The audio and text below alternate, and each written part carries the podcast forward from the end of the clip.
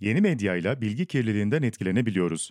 Peki YouTube'da da böyle bir risk var mıdır? Ya e, tabii ki. Şimdi bu, hani e, rahatlığı rahatlığa alışmak çok kolaydır.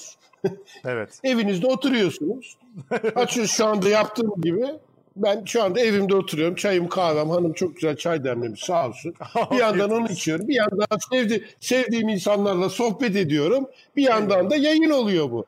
Hani e, deneyimlerimi paylaşma fırsatı da buluyorum. İnsanlar da bundan yararlanıyorsa ne mutlu bana. Yani çünkü yani biraz sonra gideceğim gene ha, pijamamı giyeceğim bağdaş kurup televizyon seyredeceğim. Yani hani evdeyim 10 saniye sonra onu yapabilecek durumdayım. ne büyük kolaylık. ne büyük kolaylık. Ha, yani ha, bu kolaylığa alışmak e, biz insanoğlu için çok şey yani pandemi sürecinde mecbur kaldığımız bir e, durumken bunun faydalarını gördük. Sen mesela işte siz bir yazılım e, kullanıyorsunuz. Ya o kadar pratik bağlandık yani eskiden de böyle hani bu kadar kolay da bağ bu kadar daha doğrusu o teknolojileri kullanmayı bilmiyorduk biz. Hani vardı o teknolojiler ama biz kullanmadığımız için bizim çok da e, e, kullanmadığımız için bilmiyorum ama şu anda ben de çok ustalaştım. Tık diye bağlanıyorum WhatsApp'tan bilmem neden bir sürü Zoom'du, Mum'du bir sürü şey var. Hangout. Hepsinden artık hepsini öğrendim. Çünkü o kadar rahatlık ve kolaylık getiriyor ki bunlar bize. Dolayısıyla iş yapma şekillerini de değiştirdi dijital teknolojiler. Ve pandemi o iş yapma şekilleri, değişen iş yapma şekilleri bir aşamada o gideri yükselerek gidiyordu. Hani dijital e, teknolojileri kullanarak iş ya, yapılan her yapılan işe dijital teknolojilerin katkısı da zamanla artıyordu. Pandemiyle bir anda hızlandı. Çok hızlandı. Işık hızıyla böyle. Herkes dijitalci oldu. hızıyla.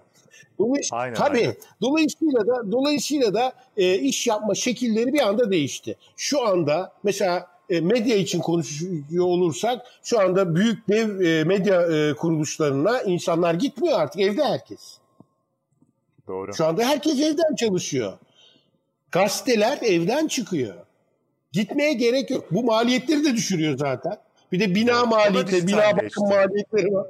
E tabii hem maliyetleri düşürüyor hem pratikleşiyor. Tabii gazeteler de dijital. Gazeteler hala kağıda basılıyor. Kağıdın bir değeri var.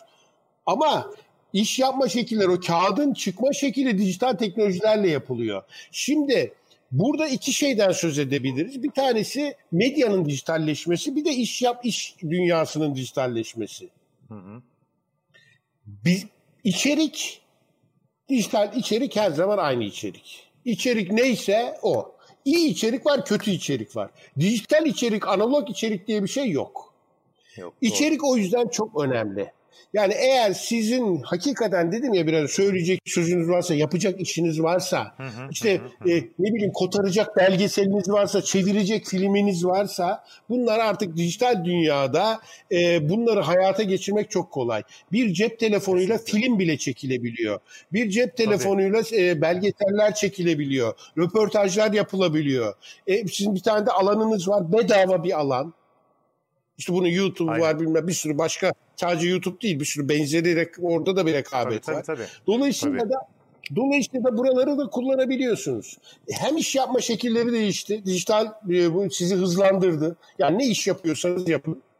Aynı zamanda e, medyada o iş yapma şekillerinde dijital dijitaldeki e, e, o e, imkanları kullanmaya başladı ama içerik aynı içerik. İçerik çok kıymetli. Nerede yapıyorsanız yapın. Dedim ya biraz önce su sayacından maç sonucu veremiyorsan kötü. Orada önemli olan maç sonucu. Ama dijital teknolojiyi doğru kullanman lazım. Mevzu budur.